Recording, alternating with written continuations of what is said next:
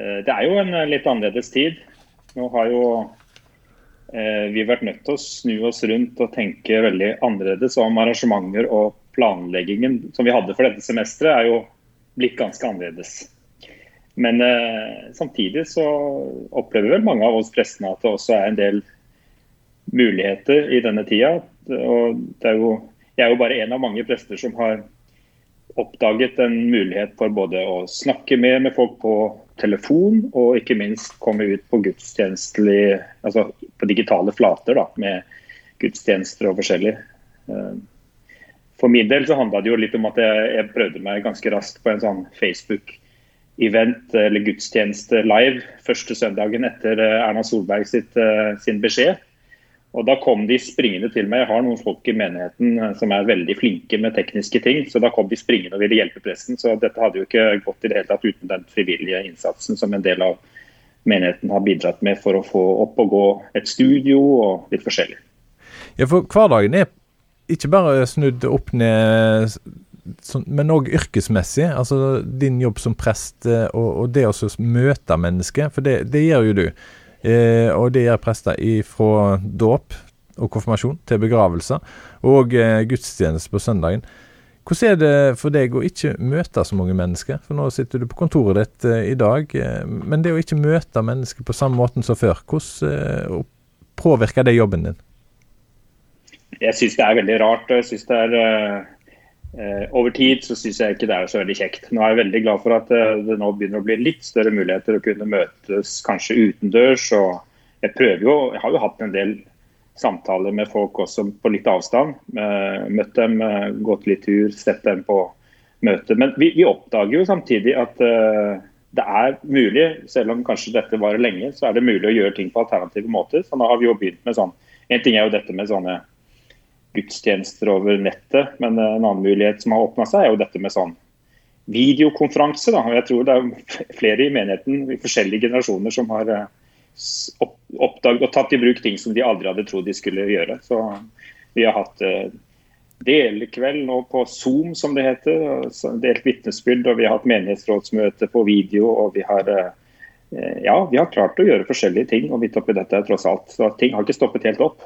Eh, men eh, jeg kjenner nok på at det vanskeligste er nok for en del av jeg tenker at det er en del av barna som sier at de, de syns ikke det er nok å bare sitte og se på en gudstjeneste på skjerm. Så det å utfordre oss for å få familiene eh, til å oppleve fellesskap i denne tida, det, det, er, en, det er spennende framover. Ja, for det har jo vært på mange måter litt selvsagt dette her å treffes. Eh, og jeg hørte eh, et radioprogram som jeg ikke trodde jeg noen gang skulle høre. og Det handla om at en skulle ta på seg sjøl, gi seg sjøl en klem. Det var viktig for den mentale helsa. Eh, et program som kanskje ikke vi hadde sett verdien av kanskje for noen barn måned og to siden. Eh, det er mange ting som er endra nå. Men, men, vi er inne i en krise pga. dette koronaviruset. Og så har vi òg økonomiske utfordringer. Hvordan vil du som prest eh, si at vi, vi takler eh, det som vi opplever nå? Altså Jeg kan snakke for min egen del. Jeg opplever at dette er en tid da jeg får fram både mine altså Det er litt som et forstørrelsesglass på både mine beste sider og mine dårligste sider. Jeg eh, kjenner på det i hjemmesituasjonen, i møte med mine nærmeste, at uh, kanskje uh, tålmodigheten er litt kortere enn ellers og Det blir lett at en bjeffer litt til hverandre. og Det å jobbe litt med hvordan vi faktisk eh, møter hverandre, og kanskje våre nærmeste, det, det tror jeg er likelig fordelt enten du er eh, prest eller har andre jobber. Fordi eh, tilværelsen er på en måte litt sånn spent til et ytterpunkt. Men så tenker jeg også at noe av det vakreste i det norske folk og i menighetsliv og forskjellig har kommet fram. Jeg tror bare det at det, men sa, det, det, det, det, blir ikke noe Det å si 'hvordan har du det nå?' til hverandre, det er ikke lenger det er ikke en klisjé, men det er noe som vi sier med inderlighet. Vi mener det, og vi vet at svaret faktisk eh, betyr noe. Hvordan har du det egentlig nå? Det, det er ting som eh, jeg tenker Det å se Jeg har fått noen gode samtaler med, med naboer. Det, gjør, det, blir ofte bedre utover våren uansett. Da kommer vi litt mer ut. Men jeg har tenkt på det litt også i denne tiden. at eh, at vi, vi, snakker med hverandre på en litt annen måte når vi møtes utendørs på litt avstand f.eks. Eh, og så har det jo vært en mobilisering av eh, mye fint diakonalt arbeid i en del menigheter. Eh, vi har vært med på noe av det, men jeg tror også det er, det er mye godt som skjer på ulike måter nå. Men jeg sier det er noe av det beste og det verste samtidig. fordi at vi, vi får lyst til å hjelpe, vi får lyst til å gjøre noe for uh, mange. Og så, og så, tror jeg også vi kjenner på denne spenningen i, i, forhold til å ta vare på våre nærmeste og kanskje beskytte, beskytte vår egen lille boble. På hjemmesida deres, uh, på menigheten, uh, bymenigheten Sandnes, der sto det øverst 'tro på hjemmebane'.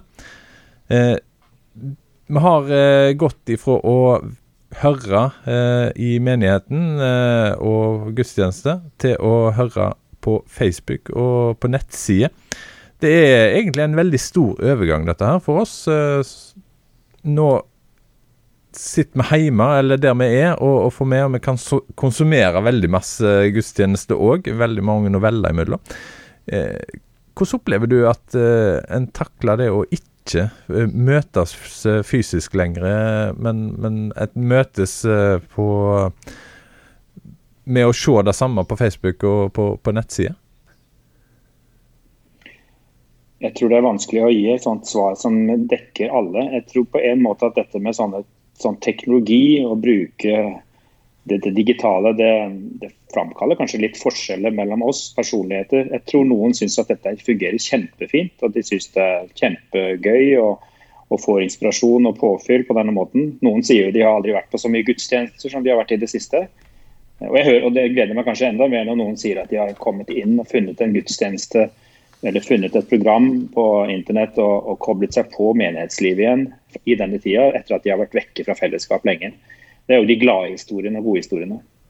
Og så tenker jeg kanskje at det er en del andre som kanskje overhodet ikke har hekta seg på den typen fellesskap i det siste, og som da blir gående for seg selv mye. og tenker jo spesielt kanskje på noen av de eldre. Vi har ikke så veldig mange er de, de, som er helt utenfor den sammenhengen i, i, vår menighet. Men jeg vet at det kan være en utfordring i, i en del menigheter. At, eh, at akkurat nå så eh, det er litt om både òg, for det er også noen av de virkelig, det er noen, noen av de eldre som faktisk sier at dette har, vært, eh, det har hjulpet dem mot den ensomheten som de kan kjenne på til daglig, og som ikke er spesielt akkurat i disse dager. Så det, det er litt begge deler. Men, men du lever jo av å formidle eh, det som står i Bibelen. Eh, det er jobben din. Eh, og det står masse om krise i, i Bibelen. Og så står det òg om at eh, Jesus skal komme igjen til jorda, og da skal det skje noe nytt. Eh, dette her eh, temaet der, er vi opptatt av det nå, når vi opplever krisa så tett innpå oss? Ja, jeg tror det er ganske mange som er opptatt av sånne ting. No, noen tenker ikke på det i det hele tatt. Men jeg har jeg har nok hørt også en del mennesker som kjenner at uh, hva er det nå? Jeg tror Det som er spesielt nå, er jo at vi er rammet av noe kollektivt. Og vi kjenner på det samme samtidig. Uh, det er jo lidelse og død og sykdom og katastrofer i menneskers liv hele tiden. Og, enkeltindivider kjenner jo på disse tingene over hele verden til enhver tid. Så Forskjellen nå er at vi kjenner på det samtidig. og Den kollektive krisetilstanden den tror jeg eh, skaper en atmosfære som også handler litt om åndelig lengsel. Og, og Kanskje man stiller spørsmål og roper etter, en, etter, svar og mening. og Der ligger det mye godt eh, budskap å komme med fra, fra, Bibelen og en kristen virkelighetsforståelse. Jeg synes det er sånn sett en, en fin, fine muligheter til å snakke om det som gjelder hele tiden. Til mennesker som møter eh, vanskelige ting i livet, så har Bibelen mye viktig å komme med. Og nå er vi kanskje lydhøre på en annen måte, i hvert fall en del av oss, fordi dette skjer, skjer kollektivt i verden. Men så ble vi Altså Når vi opplever, eh, du nevnte det, eh, sykdom og krise og sånt, så, så kan vi når, når, det rammer familie og, og venner, så, så, kan vi lett si at, vise at vi bryr oss, og, og vi kan òg si at vi, vi, ber for dere. Men nå er vi alle ramma av det på samme måte. Eh, hvem er det nå som skal bry seg og be for oss? Ja, Det er jo akkurat det som er litt uh, spennende og i denne tida. At vi alle sammen får kjenne på, på, dette å være del av uh, en slags smerte, ut, utsette ting, skuffelser. Det er ingen som på en måte er helt uh, unntatt, selv om vi på mange måter har det veldig bra i Norge. Jeg tror det er en ganske nyttig erfaring. Jeg sier ikke at dette er positivt, men jeg sier at det er en, det å oppleve motstand og utsette behovene våre, det å vente. Det er mange kvaliteter som vi nå, eller ting som vi nå får smake på, som jeg tenker også eh, utvikler oss som mennesker. Og Så er det jo en teologisk side ved dette her òg, og det som handler om at jeg tror på samme måte som vi i livet vårt møter godhet fra Gud, så følger han. Vi kan peke på helbredelse, vi kan peke på at uh, han har tilgitt oss, vi kan peke på gode øyeblikk av hans uh, ja, godhet, som, som, kanskje kan beskrives som under i vår virkelighet. Og så er det også samtidig denne parallelle erfaringen av lidelse og, og, og, vonde ting som rammer like mye kristne faktisk, som uh, de som ikke har Gud i livet sitt. Det sier Bibelen mye om. Det er ikke noe unntak for de som har Gud i livet sitt. Og Samtidig så er det tror jeg, en påminnelse om også eh, det som venter i etter døden. Altså en påminnelse om at vi forholder oss til to virkeligheter der også. At vi har mulighet nå til å søke Jesus og den eh, godhet og nåde og håpsbudskapet som han, eh, han tilbyr oss både her og nå, i glimt, og helt og fullt eh, i evigheten. Men kan du som prest oppfordre folk til å bli tørre å være sint på Gud? For at vi opplever dette. For det er jo mange som opplever livet veldig vanskelig med at eh, ja, jobben forsvinner, eh, økonomi blir vanskelig. Vi vet ikke hvor lenge dette her varer. Kanskje en har opplevd at noen i familien òg er syk. Usikkerhet omkring det. Er det lov å oppmuntre folk til å, hvis de er sint, få lov å være sint på Gud? Ja, jeg tror en, eh, det er en helt vanlig og god reaksjon i møte med det som er vanskelig, er å adressere fortvilelse og sinne og alle slags følelser i møte med Gud når vi snakker med ham. Vi skal vi skal ikke holde igjen deler av følelsesregisteret vårt når vi snakker med Gud. og Det er jo heldigvis Salmenes bok en veldig god hjelp til å se. Der har du hele følelsesregisteret presentert eh, innenfor kanskje en og samme salme. Både fokus på takknemlighet på tross av, og samtidig sinne. Hvordan kan du la dette skje? Hvor er du, Gud? Jeg tror, de sammen, jeg tror det å lese Salmenes bok akkurat nå i disse tider er god, eh, et godt forslag. For der finner vi ord som gir mening i helt uh, ulike situasjoner, også krisesituasjoner. Du er altså prest i uh, Den norske kirke, i bymenigheten i Sandnes. Og så har du òg nå Det er en menighet som tilhører Den norske kirke. Men så har du òg nå begynt å jobbe inn mot radio.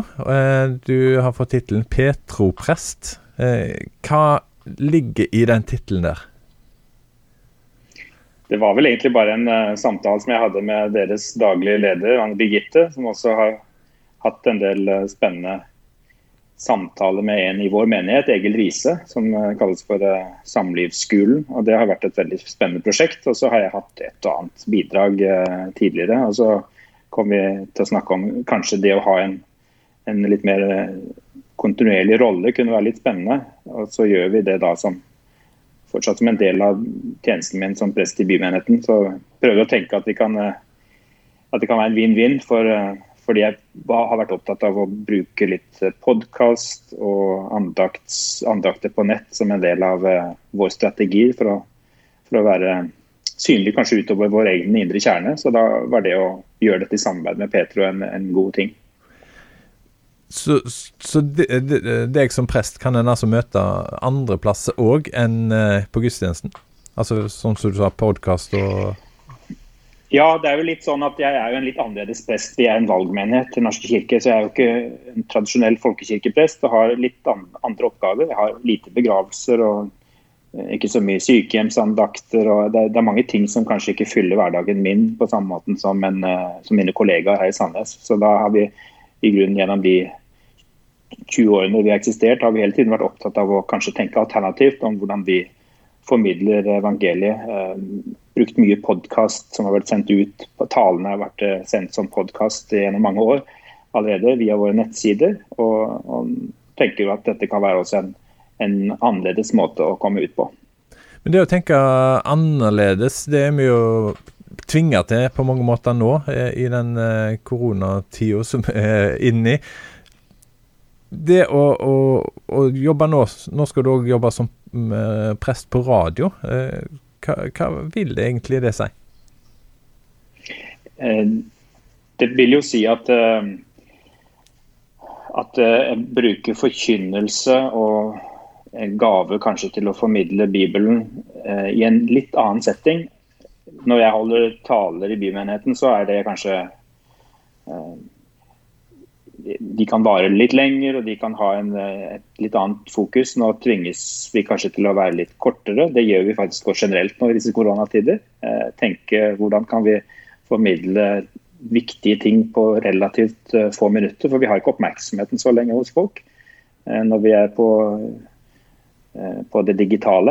Eh, men jeg tenker det er akkurat det samme budskapet. Jeg er ikke en annen når jeg står i menigheten og snakker. Jeg er nok eh, en slags hyrde og lærer i min framtoning uansett. Og så prøver jeg å tenke hva betyr det at kanskje så mange som 12 000-13 000 lyttere får dette med seg, og som er i veldig forskjellige livssituasjoner. Så det er jo, det er jo en utfordring. Jeg ser ikke forsamlingen på samme måte som når jeg er i min egen menighet. Ja, for, eh, for, du får en stor menighet nå. Du nevnte 12 000-13 000 lyttere. og Det er i et område fra eh, Agder i sør til Bergen eh, i vest, langs kysten. Og så har Petro og i tillegg lyttere på Østlandet, Trøndelag og fra Bodø til Tromsø. Det er veldig mange mennesker som du nå kan treffe som prest. Trigger det deg? Ja, jeg, syns det er spennende. Jeg syns det er gøy å få lov til å jobbe med forskjellige typer ting. Samtidig så er jo det som jeg syns er eh, aller viktigst, er nok å møte mennesker. Eh, det kan skje gjennom samtaler én til én, og det kan skje gjennom eh, veiledning og det kan skje gjennom at jeg følger opp ledere i egen menighet. og Det, det er jo der kanskje primære, mitt primære arbeid er. Så hvis jeg bare skulle ha jobbet med å formidle på på radioen uten å se de jeg snakker til, så tror jeg hadde, hadde ikke det gått. Så jeg, jeg, trenger nok å møte mennesker og se fram til uh, litt mer normale tilstander også i egen menighet, når vi kan uh, snakkes igjen. og uh, Jeg trives veldig godt med det, samtaler med mennesker. Og så tenker jeg at det er litt det kanskje det gir muligheter for også etter hvert. Jeg, jeg har en drøm om at ikke bare P2-presten skal være en som sitter alene og snakker og, og, er, og på en måte er en slags guru, for det er jeg på ingen måte jeg har en drøm om at vi skal kunne få til noen samtaler med vanlige folk om tro. Eh, så kanskje får vi til det etter hvert, at jeg tar med meg mikrofonen og, og snakker med både folk i egen menighet og andre om eh, hvordan troen leves ut i hverdagen. For det er vel egentlig det jeg er mest opptatt av.